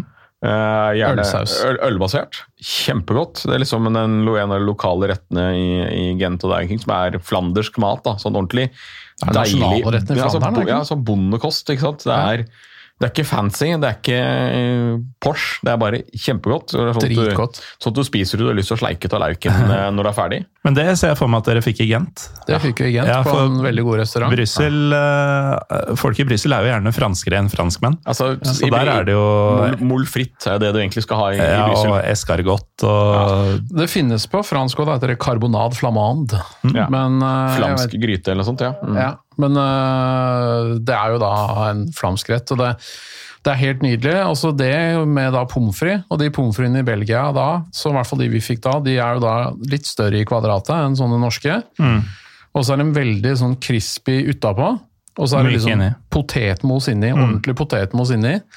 Og når du da heller stoflissaus over de, så trekker ikke umiddelbart inn, så den er fortsatt crispy mens den marinerer i den der eh, ølsausen. Også så godt, altså. Jeg kjenner jeg blir helt i kjeften da. Ja, nei, nok jeg, nok jeg rekker å spise noe særlig mat før vi, før vi kom hit. Ja, Jeg ble ikke mindre sulten av å tenke tilbake på Storflis. Det var jo vår reisekompis eh, Lasse som introduserte oss dette. for Han har jo vært mange ganger i Belgia. Han er veldig ølnerd og har vært masse i Belgia. Ja, så han sa måtte, ja, dette, dette må du spise. Eh, og det eneste vi, Jeg er jo egentlig i utgangspunktet veldig glad i vet dere, blåskjell, så jeg burde jo spist eh, molfritt i Belgia, men eh, beklager belgiere, det ble ikke noe molfritt. Så jeg tenkte mer sånn litt à la din tur til Belgia, at eh, hvis det er noe jeg kan finne på å bli dårlig av på tur, så vil det være liksom dårlig skalldyr. Så det, det gjør vi ikke. Altså er det vel Flamsk restaurant i Oslo. Ja, Det må vi ha. det, Det må det trengs. Det høres ut som noe Jeg veit ikke hvorfor, men det er sånn Frode Lia kunne finne på å starte. Ja. Sånn helt ut av det blå. Nå starter jeg restaurant, den er flamsk. Ja. Og Spør folk hvorfor, så er det litt sånn Hvorfor ikke? Ja. Men eh, apropos Frode Lia, en av grunnene til at jeg steila litt over dette med at du var fotograf, eh, Per Karsten, var at da jeg fikk jo melding fra Lars eh, om at du var fotograf, det var vel under kampen, tror jeg, eller før kampen skulle starte, da. Dere var inne på stadionet, i hvert fall, i en eh, gruppechat vi begge er med i. Eh, og da slo det meg umiddelbart at dette var sånn derre Frode Lia har nemlig fortalt meg en historie fra veldig gamle dager, hvor eh, han og noen andre kompiser er, på, er i Tyskland på kamp. Og da var det en av Frodes mer eh, forfylla venner, eh, som skal forbli navnløs eh, her, som eh, faktisk fikk fotoakkreditering på en eller annen Bundesliga-match. Han hadde stått Jeg er ikke helt sikker på om det var et engangskamera, som jo er det feteste, eller et bare vanlig sånn digitalkamera, sånn som alle hadde i lomma for 10-12 år siden. Eh, Men han hadde da stått på indre bane i vest og vært møkk drita og stått med et altfor dårlig kamera. Sånn helt åpenbart ikke vært uh, um, en ordentlig fotograf. da. Eh, og han hadde til og med stått bak et mål som det ble skåra straffe mot, så han var jo på TV-sendinga og sånn. Ja. Eh, helt nydelig. Så det var et sånn type scenario jeg så for meg. Men Jeg- eh, jeg meg du skuffa mer- meg litt nå. Jeg følte meg litt mer i en sånn, eh, hva heter det, en litt sånn dårlig heist-movie. Ja, hvor, liksom, eh, hvor hva heter det, eh, heltene må ta seg inn på en eh, fotballstadion og må utgi seg for å være noen andre for å få lov til å komme inn fordi de skal redde en eller annen. eller sånt. Ja, for det var så litt jævlig det. Intens sjekk òg, da. Det var Ja. jo de, de, vi ble jo avfotografert før vi fikk gå inn i presserommet. Og det var Ja. sånn der presserom Selv med egen- pressepass? Ja, ja. Og så, og det var sånn stort rom med egen bar og garderobe, hvor det sto sånne garva journalister og drakk øl og Mm. prata butikk, og du hadde det der podiet med sånn reklameplakat bak hvor du holder pressekonferanser Mm. etter matchen, og der står vi og bare mm, Ja. Dro på fotovesten. Ja, nei, men jeg, jeg, tenkte, jeg tenkte på en måte å stå så nær og kunne både ta bilder. Som sagt, det ble, det ble noen gode. Ehm, og det gjør også på en måte, det ble en veldig annerledes fotballopplevelse. Nå har jeg vært masse på kamper både i, sant, i Tyskland og i Norge og, og England. og det, på en måte, det blir en helt annen opplevelse, da, hvor du står på en måte, så nær de folka du tenker at ja, Selv på en måte, du visste når kampen gikk som den gjorde, og vi tapte jo som, som hunder der nede, så var det sånn det eneste jeg frykta, var på en måte, hva om Vålerenga hadde gjort en kjempekamp i Belgia og vunnet la oss si 3-1? da, ikke sant? Hadde du jubla? Eh, ikke på 1-0 og 2-0, men på 3-1. Da hadde jeg gitt faen. Jeg hadde jubla. Altså, mm. særlig på, heter hvis vi leda og det kommer et tredje sånn, der, ah, sånn Ok, sender kampen i boks eh, 3-1 i det 87. minutt. Ja, Da hadde sannsynligvis kameraet alltid gått begge veier til Men på men- pressetribunen så er det også aksept for å klappe, i hvert fall. Eh, hvis du er bortefans, journal, eller bortelagets journalist. Da, hvis du er liksom tilreisende Og journalist. så tenkte jeg, Hva var det verste som kunne skjedd? hvis, det, hvis det, Jo, ja, jeg kunne blitt bortvist fra en kamp hvor jeg har stått på indre bane og tatt bilder og blitt bedt om å gå. Ja, Det hadde vært så verdt det uansett. Jo, men det, det er jo litt sånn, og dette er jo noe av det vakre med norsk fotball, da, at uh, hadde noe sånt skjedd, og du hadde stått sånn cirka bak målet, litt til sida kanskje, tilfeldigvis i den retninga spillerne hadde jubla, eh, så er jo ikke norsk fotball større enn at muligheten for at spilleren kjenner igjen den og den supporteren, i dette tilfellet deg, da, er jo der. Ja. Så man kunne jo faktisk endt opp i, som, uh, i mangel på bortefans, da, den som de feirer med. Eh, Du hadde selvfølgelig da blitt bortvist, men eh, for en story det hadde vært. Ja, altså mm, Liksom eh, du må, hadde, hadde jeg klart å holde igjen, kall, det banestormer-genet, eller hva skal vi kalle det, hvis måte Vålerenga hadde vunnet der nede. Jeg mistenker måte at eh, hadde de vunnet på Stu- La, så la, de, så la oss si at de hadde vunnet 3-1 der nede, da. Eller satt et frispark i krysset i 89 på 0-0. Ja, jeg mistenker at jeg hadde løpt bort for å feire og gikk og glemt å ta med kamera. Jeg mistenker at da hadde liksom etter sånn fight or flight eh, Jeg hadde slått inn og bare ja, fuck it, her skal vi feire med, med gutta og eh, Fight or flight or celebrate. Ja, Ikke sant? Jeg tror eh, Uansett i Gent så hadde det ikke vært noe trøbbel. De, de, de har ikke mye hardcore fans. Altså. Nei, Det og er, det, og det det, er ikke Brygge, og det er ikke Standard Liège. nei, som er både, Ja, det er de som er Eller Anderlecht. Mm. Og Antwerp. Ja, ja. Det er noen av dem. Det er noen av dem, men eh, de er ikke en av de. Nei. Eh, Men i hvert fall, eh, dere kom jo hjem etter hvert, og jeg forstår det sånn at eh, hjemreisen også gikk ganske smooth. Ble en liten tredagers hjemme hos deg, Per Karsten, men det tålte du? Ja, det er sånn, jeg var jo som sagt reiste jo halvvaksinert. Og da er det sånn det er Jeg frykta jo når vi kom tilbake til at det skulle være For jeg hadde jo lest om på forhånd ikke sant, at det skulle være timevis med, med kø, og at jeg skulle kanskje ikke engang rekke siste verken flytog eller buss hjem eller, eller noe sånt. Eh, og når jeg da kommer, til den, kommer dit, så jeg det at jeg stopper på, på grensa, de sjekker pass, jeg er halvvaksinert, kommer fra Belgia, ja, da må du uh, ta til høyre når du kommer gjennom her og inn til testestasjonen og få testa deg. Og så er det tre dager hjemmekarantene med ny test etterpå. For det, det, det er sånn det funker. Og køen inn til testestasjonen på Gardermoen, det var én person før meg. Og så var det fire eller seks testestasjoner som var åpne. Ja. Så jeg kunne jo velge hvilken hvem som skulle få lov til å stikke sånn der eh, q-tip opp i nesa. Ja, og nå, eh, de der hurtigtestene er, eh, det er Den tida er forbi hvor de skal grave i halsen og i hjernen din, ikke sant? Nå Ja, er du, er, du er liksom ja, du, er, du er ikke langt unna bihulene, for å si det sånn, men, men, og det er ikke behagelig. Men det er ikke liksom, du tenker ikke at nå blir jeg lobotomert med, med q-tips. Så det er jo på en måte det. Altså, det eneste som overraska meg litt, og som, vi, som også måte sier noe om ok, vi har ikke alt dette rundt denne virksomheten helt 100 på stell. fordi når jeg da var ferdig å teste meg Jeg kunne jo, hvis jeg ville, ha gått innom taxfree på veien. Det skal det jo ikke, men det var ingenting som hindra meg som skulle testes, hvis jeg hadde villet, å gå inn taxfree. Fordi jeg- de som er helvaksinerte, kunne det? ja.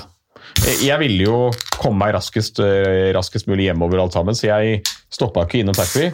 Og når jeg da var ferdig å teste, så kunne jeg ikke gå tilbake dit. Nei. Eh, Men jeg hadde forventa at når du da, mens du sitter og venter på å skulle få resultater, som tar en drøy, drøy halvtime med de nyeste testene, at det da var noe ventesone eller et eller annet sånt. Nei, jeg ble, fikk bare beskjed om å gå satt jo i ankomsthallen. du. Ja, det er bare, det er bare gå, husk, å gå på, husk å gå på riktig sone. Var eneste beskjeden. Altså grønn eller rød sone for om du har noe med deg. Og så fikk dere den der papirlappen, ikke sant? Ja. Eh, og så gikk det en halvtime, og så kom bekreftelsen at nei, testen er negativ. Eh, reis hjem. Og så var det tre dager karantene, og så skal jeg på hva heter det, offentlig podkastsending innrømme at jeg brøt karantenen mandag morgen. Fordi mens jeg satt i hjemmekarantene, så fikk jeg tilbud fra min eh, bydel, som har har vært veldig flinke, om å ta den andre, vaksine, andre runden vaksine. Og da tenkte jeg det er det verdt å bryte karantenen for en dag tidlig. Og så tok jeg test samme kveld som også var negativ. Sa du da til dem at eh, jeg kommer gjerne, men jeg er i karantene? Ja, jeg sa frem at jeg har nettopp, nettopp reist, eh, har negativ test fra den på Gardermoen, og er, eh, dette er jo runde to, så det går fint. Men hvis du har, når den testen er negativ, er du ikke da ute av hjemmekarantenen? Ikke den første. Du skal ta en ny test etter tre dager, fordi det er dette med antistoffer eller et eller annet sånt som bygger seg opp i løpet av de dagene. Så den første, selv om den er negativ, kan være falsk negativ. Så du skal være så tre dager, og så skal du eh, ta en ny test for å bryte karantenen. Men jeg minner om at jeg gjorde det tolv timer før, og så tok jeg den testen den kvelden og var også da negativ. Så Ja. Nei, men det, altså, det høres ut som de fortsatt ikke har lært hvordan de skal fikse dette på grensa. Eh, men vi må jo samtidig skryte litt, i hvert fall vi i Oslo. Jeg vet ikke hvordan det er i resten av landet, men eh, dette med mm, vaksinering har jo blitt dritbra. ja. Eh, flere jeg kjenner har jo blitt framskyndet i køen fordi man rett og slett er villig til det. At man går og venter på at nei, jeg skal egentlig få det andre stikket i september. Ja, det var sånn, det var Eh, sånn og så viser det seg at Ja, men jeg tror din bydel har faktisk vært ute og sagt at de har en del til overs nå, så Ja, send en mail. Og jeg for eksempel ble jo kalt inn sånn Jeg ble jo egentlig eh, kalt inn i juni en gang, men jeg hadde jo denne dritten i, eh, rett etter påske. Eh, og man skal da gå minst tre måneder fra man er frisk igjen fra korona til man kan ta um, vaksine, men da du trenger til gjengjeld bare å ta én. da. Så sa jeg jo da til dem at eh, dette skulle jeg gjerne gjort, men jeg må vente i hvert fall tre uker til. Eh, Men ikke fjern meg fra lista bare fordi jeg ikke kom med nå. Så bare, nei, nei, bare send oss en mail eh, når det nærmer seg klart. Mm. og så gjorde jeg det, da. Så jeg var på ferie i Nord-Norge i sommer, og så så jeg at oi, nå er vi snart i midten av juli. Mm. Jeg sender en mail til eh, bydelen det gjelder, og så bare var det i samme tråd til og med som jeg hadde vært i kontakt med dem tidligere. Sånn hei, eh, neste uke så er jeg eh, både tilgjengelig i byen og, og det har gått tre måneder. Og da fikk jeg sånn tekstmelding fra helseboka eller noe sånt, hvor jeg kunne gå inn og booke min egen avtale. Ja. Og da var det litt sånn Det det var ikke sånn innkalling til en viss tid. Jeg kunne velge dag og tid og alt mulig. Ja, jeg vet det er mange som har måttet klage over liksom, ja, tempoet er for treigt i Norge, men faktum er jo at vi ligger langt framme i, Det- i, i dette. Og ikke minst, som sagt, jeg bor i bydel Sankthanshaugen i Oslo, og de var en av de bydelene som rett og slett både pga. mange har måttet måtte booke om pga. ferie eller andre grunner ikke kunne ta, eller, og at de har vaksinert fortere enn de egentlig trodde, så hadde de jo ledige doser. Jeg skulle jo ikke egentlig få min dose før seint i september med min aldersgruppe. Mm. Og isteden så hadde jeg den dagen etter hjemkomst fra, fra Belgia i juli. Ja. Og pga. på grunn av sånne ting, da, så sitter vi tre, vi tre sitter her fullvaksinerte og klare for å lage faen på stadioner og forhåpentligvis også på utenlandske stadioner utover høsten og vinteren. Det hadde vært noe, Lars. Eh, og apropos det, det var jo så jævlig sånn tristesse, sånn what could have been-prat eh, sist du var her, før vi tok sommerferie. Siden da så har jo ting virkelig begynt å ligne noe også her i Norge. Eh, Det har annet vært to ganske svære matcher for dere Vålerenga-folk. Det var jo eh, Dere fikk Lyn i cupen, eh, hvor det vel kunne ha kommet 5000 folk. Eh, Dere var på matchen begge to. Ja. Eh, Jeg så jo at eh, det var ikke alle på det bortefeltet, så jeg var der selv, eh, som overholdt den énmetersregelen. Ja.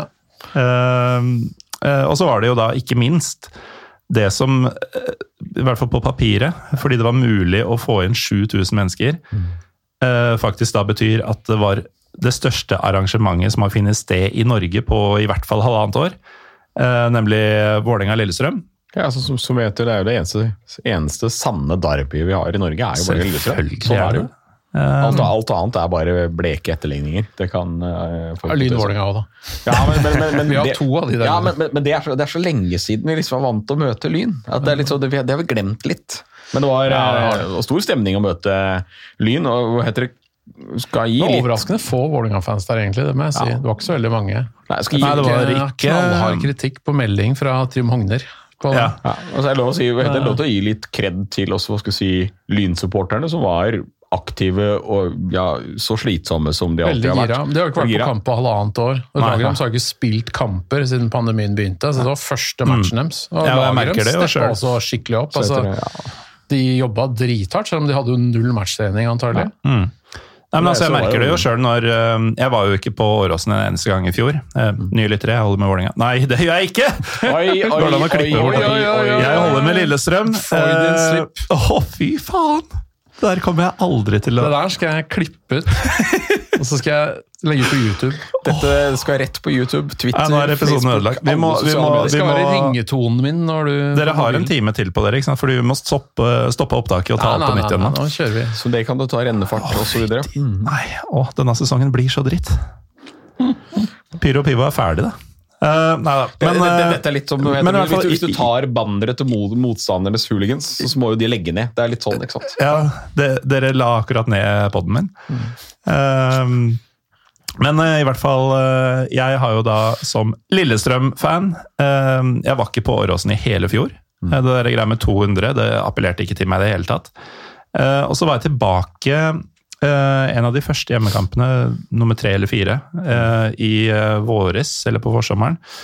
Eh, For da var det plass til 600, og da ble jeg trekket ut, for det var jo sånn det funka. Sesongkortholdere fikk tilbud om å gå på kamp innimellom. Samme, samme som hos oss. Eh, og da var det sånn, ok, det er 600, nå har jeg ikke vært der på så lang tid. Eh, jeg dro. Uh, og da var det sitteplasser på langsida for alle.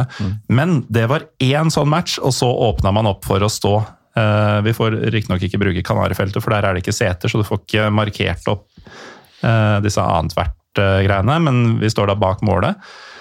Og jeg merker at eh, selv om jeg egentlig var litt for gammel for den der eh, utagerende stående tribunekulturen allerede i 2019, jeg har så overtenning hver eneste match nå, bare fordi det er tilbake. Ja, samme både på, både på cupkampen og de, de få kampene vi har fått med oss på, på tid. Mm. Det har vært en så usaklig eh, glede å være tilbake på en stadion. Samme, at, uh... samme som å se kamp på, på pub igjen, når du ikke, er på, ikke kan dra på bortetur. Den lille kicket du får av det som sitter der og møter å være småfull og skrike til en TV-skjerm, eh, eller å være på stadion og måtte synge sangene igjen og heie på folka og se folk du kanskje ikke har sett på, på lenge, på vei inn på stadion. De tingene de virker For, for ikke-fotballfans så virker dette her som helt usaklig banale ting, men for Ja. oss som liker fotball, så er jo dette her det, dette vi lever for når vi når vi er, skal på kamp. Ja, men det, det betyr så mye. Og nå sist eh, helg så var jo vi eh, sånn 700-800 mann i Sandefjord. Sandefjord. Eh, Fortsatt så står man jo med det der setet imellom og, eh, og sånn, så det ser jo sånn halvdumt ut. Men vi var mange på en bortekamp. Vi invaderte et stadion og tok over et stadion. og eh, Det er ikke bare vår skyld, altså det, er- Sandefjord er ubrukelige på tribunen. Men eh, det var altså, Det er generelt en vind av at ting er i ferd med å bli bedre nå. Eh, Altså, jeg husker at selv når resultatene ble jævlige, og vi var på borte, bortekamp og måtte stoppes av politiet på et jorde utafor bygda Lillestrøm, så var det liksom Det var likevel å være der og være måte, Den lille følelsen at du eier bortefeltet en periode og alt sammen, er eh, Og da være hva skal si, 200, det funker ikke. Jeg er, jeg er litt redd være- for ja. at vi kanskje har mista noen underveis her, som ikke er like idioter som oss. Fordi f.eks. også den derbykampen mot- med Vålinga-Lillestrøm nå, så tok det ganske lang tid før Vålinga fikk solgt ut de billettene. Blei det solgt ut? Ja, nesten. Jeg mente å høre det var noe sånn seks 6,5 der. Eller noe Kanskje det var seks og et halvt. Men uh, det, det gikk treigt. Og det Mm. kan være fordi at det er sommerferie, at du må ha koronapass, at mange ikke kanskje føler seg helt vel med å gå på stadion ennå. Så, sånne Mm. ting. Men jeg er litt redd for at noen har blitt litt for vant til TV-fotball underveis. Det veit Ja. vi ikke ennå. Og så og så vil det ta, ta tid før folk er trygge også. Altså, Vi er mange nok som veit det at ok, selv om vi er fullvaksinert, og selv om alle rundt deg er fullvaksinert, så kan du liksom fortsatt du kan fortsatt bli smitta, og dermed bli smittebærer, selv om du ikke får et eneste symptom sjæl. Ja. Ja, kommer Eh, og- delta, ikke sant. Ikke sant? Og så er, og så er det, det er det å være, man følelsen av å være trygg.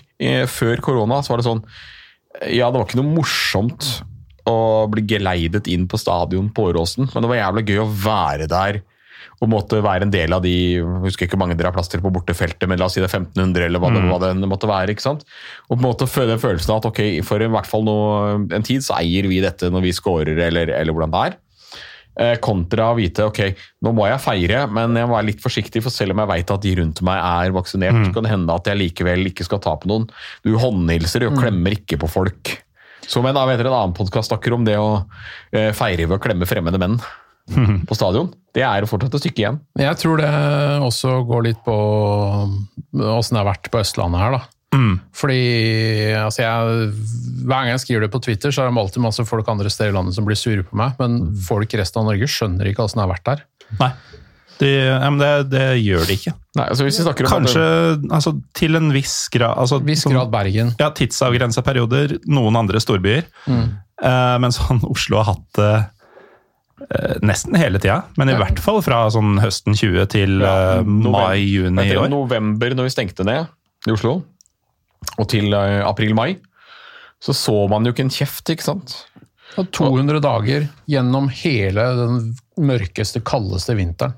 Ja, det, det, gjør, det gjør noe med folk, og når du da liksom ser folk i andre hva skal jeg si, norske byer snakke om nei, uff, nei, nå har, nå har det gått seks dager uten å kunne eh, gå, i, gå på puben eller på kafeen eller på kjøpesenteret. Da får jeg lyst til å liksom, jeg, jeg har lyst til å si ordentlig stygge ting, men jeg lar være, for jeg vet jo at ok, det kan godt hende de også får sine 200 dager, ikke sant? Ja, altså men, det, uh, ja. det er jo en viss ordfører i Molde som uh, Kanskje under et par dager, Mm. men eh, Det er ganske absurd, da. Når, eh, det var jo flere, flere tilfeller i vinter av folk som reiste på ferie til Oslo fra andre steder i landet, og så blir de overraska når de går ut av hotellet sitt og ikke finner noen åpne restauranter. Mm. Så blir det sånn, nei, men alt er stengt. Ja. Det er Rimi. Rimi er åpent, ellers er alt stengt. Rimi og apoteket. Ja. Der kan og, du og Vinmonopolet. Og Vinmonopolet. Ja. Men der må du stelle deg opp en time eller to før du skal inn. For det, det, Der går køen rundt kvartalet og vel så det. Ja, og har Så- plass til fire stykker på I Oslo så var lockdown faktisk lockdown, og det Ja. er det ikke andre Ja, det tror jeg det tror ikke resten av Norge skjønner hvordan var. Og det, det kan hende den kommer igjen ikke sant, med delta-varianter og annet. Man banker bordet. Man vet, Ja, man nå, vet ikke. nå hadde jo et par av våre fremste regjeringsmedlemmer et uh, ganske populistisk utspill uh, her om dagen, med at uh, om en drøy, ja, om en halvannen måneds tid så er vi ferdig med restriksjoner her til lands. Det Skikkelig. gjenstår å se. Men om det er sant, tenk dere derby på Åråsen i november. Det hadde vært Uten fantastisk. meter, uten noen ting. Med Men, eh, stappfull Åråsen med buss hvor du kjører eh, buss Romerike rundt for å komme til Romerike rundt og stopper på dette. Jeg lurer på Gjorde opp i Skedsmo. Han ene bonden, bonden som har noe maskinpark der ute hvor, hvor eh, Vålerenga i alle år har stoppa for å pisse. Eh, jorda der må jo være forsura permanent i, i mange generasjoner framover. Ja. Jeg var i Kopsjamika i Romania en gang, eh, som da i konkurranse med Tsjernobyl eh, på- i, under den kalde krig, eller på 80-tallet, eh, var Europas mest forurensa by. Uh, og der var Altså, vi var på en fotballkamp på gress, og jorda var liksom ikke brun, den var mer sånn svart. Det er litt sånn det gjorde til han eh, stakkars fyren eh, Jeg mistenker, er det, altså, det heter det, det er mye nitrogen i den jorda, tror jeg. Det er vel fare for det. Men, men sagt, vi savner det. Eh, Ja, det er kjipt å bli stoppa når du tar liksom en av ultrasbussene opp til, opp til Åråsen og du måtte kjøre omvei og stoppa. Men det er en del av greia mens du liksom sitter og bælmer ører på bussen opp, og dette her blir kult, og du sitter og hører på drithøy punkmusikk, og alt er, alt er topp. Så kort tur som det er, så er det jo nesten kult at den blir litt forlenga. Ja, det, det, gjør, det gjør ingenting. Ja, det gjør Eh, ingenting. Så lenge man er forberedt på det. At man ikke kommer inn på stadion sånn 20 minutter før kampstart når du egentlig skulle vært der en time før. og sånn. Da Ja. blir man sur. Ja, og så, Men- ta, og så vet du at det er liksom kø for å komme inn, og så er det litt ekstra sjekk, og så er det liksom sånn. Men, men så er det de 90 minuttene, enten det nå er på Intility eller er på Åråsen, hvor det her på en måte er fullt trøkk. Det er aldri mer trøkk på noen fotballkamp i Norge enn på de to kampene. Så har du de leilighetene bak deg, hvor også er litt trøkk. Ja, hvor, Det er så hvor, jævlig bra med den der hvor, eh, hvor VG som lagde en sånn svær sak på at Vålerenga-fans kasta dartskive inn i den leiligheten. Så, jeg bare, Ja, hvor fikk de den fra? den fra? Jeg pleier ikke å ha med dartskive på bortekamp. altså, jeg har vært på jeg Og de gangene du har gjort det, så har du ikke fått med inn. Nei, altså, Så jeg, jeg, Derfor slutta du, Lars. jeg, jeg har vært på busser som kunne tenkes, kunne tenkes å ha dartskive inni bussen. Du får ikke den med inn på stadion med dartpiler. Nei, jeg tror ikke det. Nei, det er litt vrient, det der. Men i hvert fall, eh, det høres ut som vi har kommet til veis ende. Men eh, litt av poenget med denne episoden, som jeg håper har skint gjennom, er at eh, etter alt faenskapet i halvannet år nå, så begynner ting å lysne. Nå har dere to faktisk vært og fulgt laget deres på bortebane i Europa. Eh, Vi blir stadig flere som får lov å dra på tribuner i eh, landet. Vi blir stadig flere vaksinerte som får lov til å gjøre litt sånn hva vi vil, selv om vi ikke egentlig skal det ifølge alle ennå. Og hvis hun derre Solberg og han derre Høie faktisk ikke bare prata piss, så er vi eh, snart eh, klare for å leve normalt her i landet. Kan jeg bare være litt alvorlig på slutten her? Ja, ja. Fordi problemet er at store deler av verden fortsatt er uvaksinert. Mm. Og det er en inkubator for nye varianter. Og Norge er en av de få landene i verden nå som nekter å gi opp i patenten på, på vaksiner, sånn at de kan lage de selv i fattige land. Det er eh, ren Til og med og USA skandale. har gjort det. Ja, jeg, jeg, det begynte Norge- å bli litt for eh, oppløftende og hyggelig her nå, så Ja. det er bra du tok det er tak bra i jeg det, tar det ned igjen, altså. Ja. Det er, den- det, er Vi er ikke her for å være hyggelige, Morten. Nei, det er den største, kanskje i øyeblikket da, den største skandalen som hindrer oss i også å knuse dette, dette viruset, er at vi holder på en patent. Fordi Vesten skal ha vaksine. EUs legemiddelselskaper skal tjene penger. Ja, ikke Men eh, jeg hadde jo egentlig tenkt å avslutte episoden på en, eh, på en liten opptur med litt hyggelige nyheter og sånn. Sånn er det når du inviterer Vålerenga-folk til en eh, Ja, dere har jo ødelagt alt. Eh, Det jeg sa i stad er jo utilgivelig. Jeg skjønner ikke åssen Det er min nye ringetone. Olum sin også. Eh, men i hvert fall Det er Faen, Lars. Dersom eh, ting går sånn noenlunde sin gang, da. I høst så skjer det en del andre spennende ting, i hvert fall hvis man liker uh, meg. For uh, jeg har jo vært en del på fotball-TV i løpet av sommeren under EM, og sånn det ser ut nå, uten at jeg skal si for mye, så blir det mer fotball-TV utover høsten for min del. Og ikke minst er vi i ferd med å spikre en meget gunstig avtale i Trondheim for å gjøre episode 200 live der. Uh, den ligger an til å skje fredag 8. oktober, og den ligger også an til å bli en aften i veldig pyro og pivosk eh, stil. Så hvis du holder til i nærheten av Trondheim, så følg med på våre kanaler, som for eksempel Pyropivo... Pyropivopod på Twitter og Instagram. Jeg er litt ute av det etter det som skjedde i stad. Og lik gjerne Facebook-siden vår, Pyro og Pivo. Takk til dagens gjester, Per Karsten Nordhaug. Yes. Takk yes. for at jeg kunne komme. og Lars Skau. Jo, takk for at jeg fikk komme. Alltid en glede. Ja, det, i dag så har du kost deg. Jeg er jo helt ute av det. Um, da er jeg vet du, mission accomplished, som ja. de sa.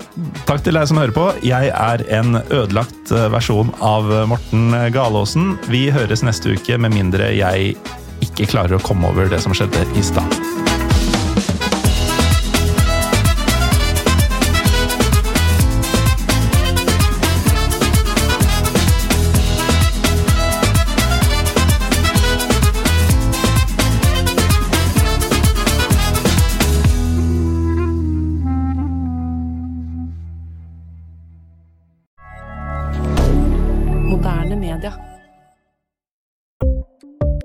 Ukens annonsør er HelloFresh.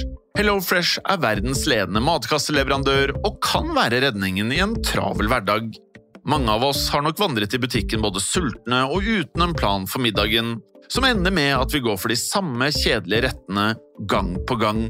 Middag burde være dagens høydepunkt. Som HelloFresh kan du nå velge mellom 25 ulike retter hver eneste uke, eller få HelloFresh til å sette sammen menyen for deg. Dette gir deg muligheten til å prøve nye og spennende retter alene eller sammen med familien. Du velger antall porsjoner og får alt levert på døren på et tidspunkt som passer for deg. Oppskriftene er enkle, og maten er lett å lage både for store og for små. Ved å få alt levert hjem får du også mer tid til å dele matgleden med familie og venner. Kanskje det frister med asiatiske tacos eller greskinspirert kylling? Da kan jeg anbefale deg om å gå inn på hellofresh.no. Her kan du bruke koden FOTBALL og få opptil 1779 kroner i rabatt på de første fem matkastene hvis du ikke har prøvd Hello Fresh tidligere. Du kan også bruke rabatten hvis du har vært kunde og stoppet abonnementet ditt for tolv måneder siden eller lengre. Gå inn på hellofresh.no og bruk koden FOTBALL. Har du et enkeltpersonforetak eller en liten bedrift? Da er du sikkert lei av å høre meg snakke om hvor enkelt det er med kvitteringer og bilag i fiken, så vi eh, gir oss her, vi. Fordi vi liker enkelt. Fiken superenkelt regnskap.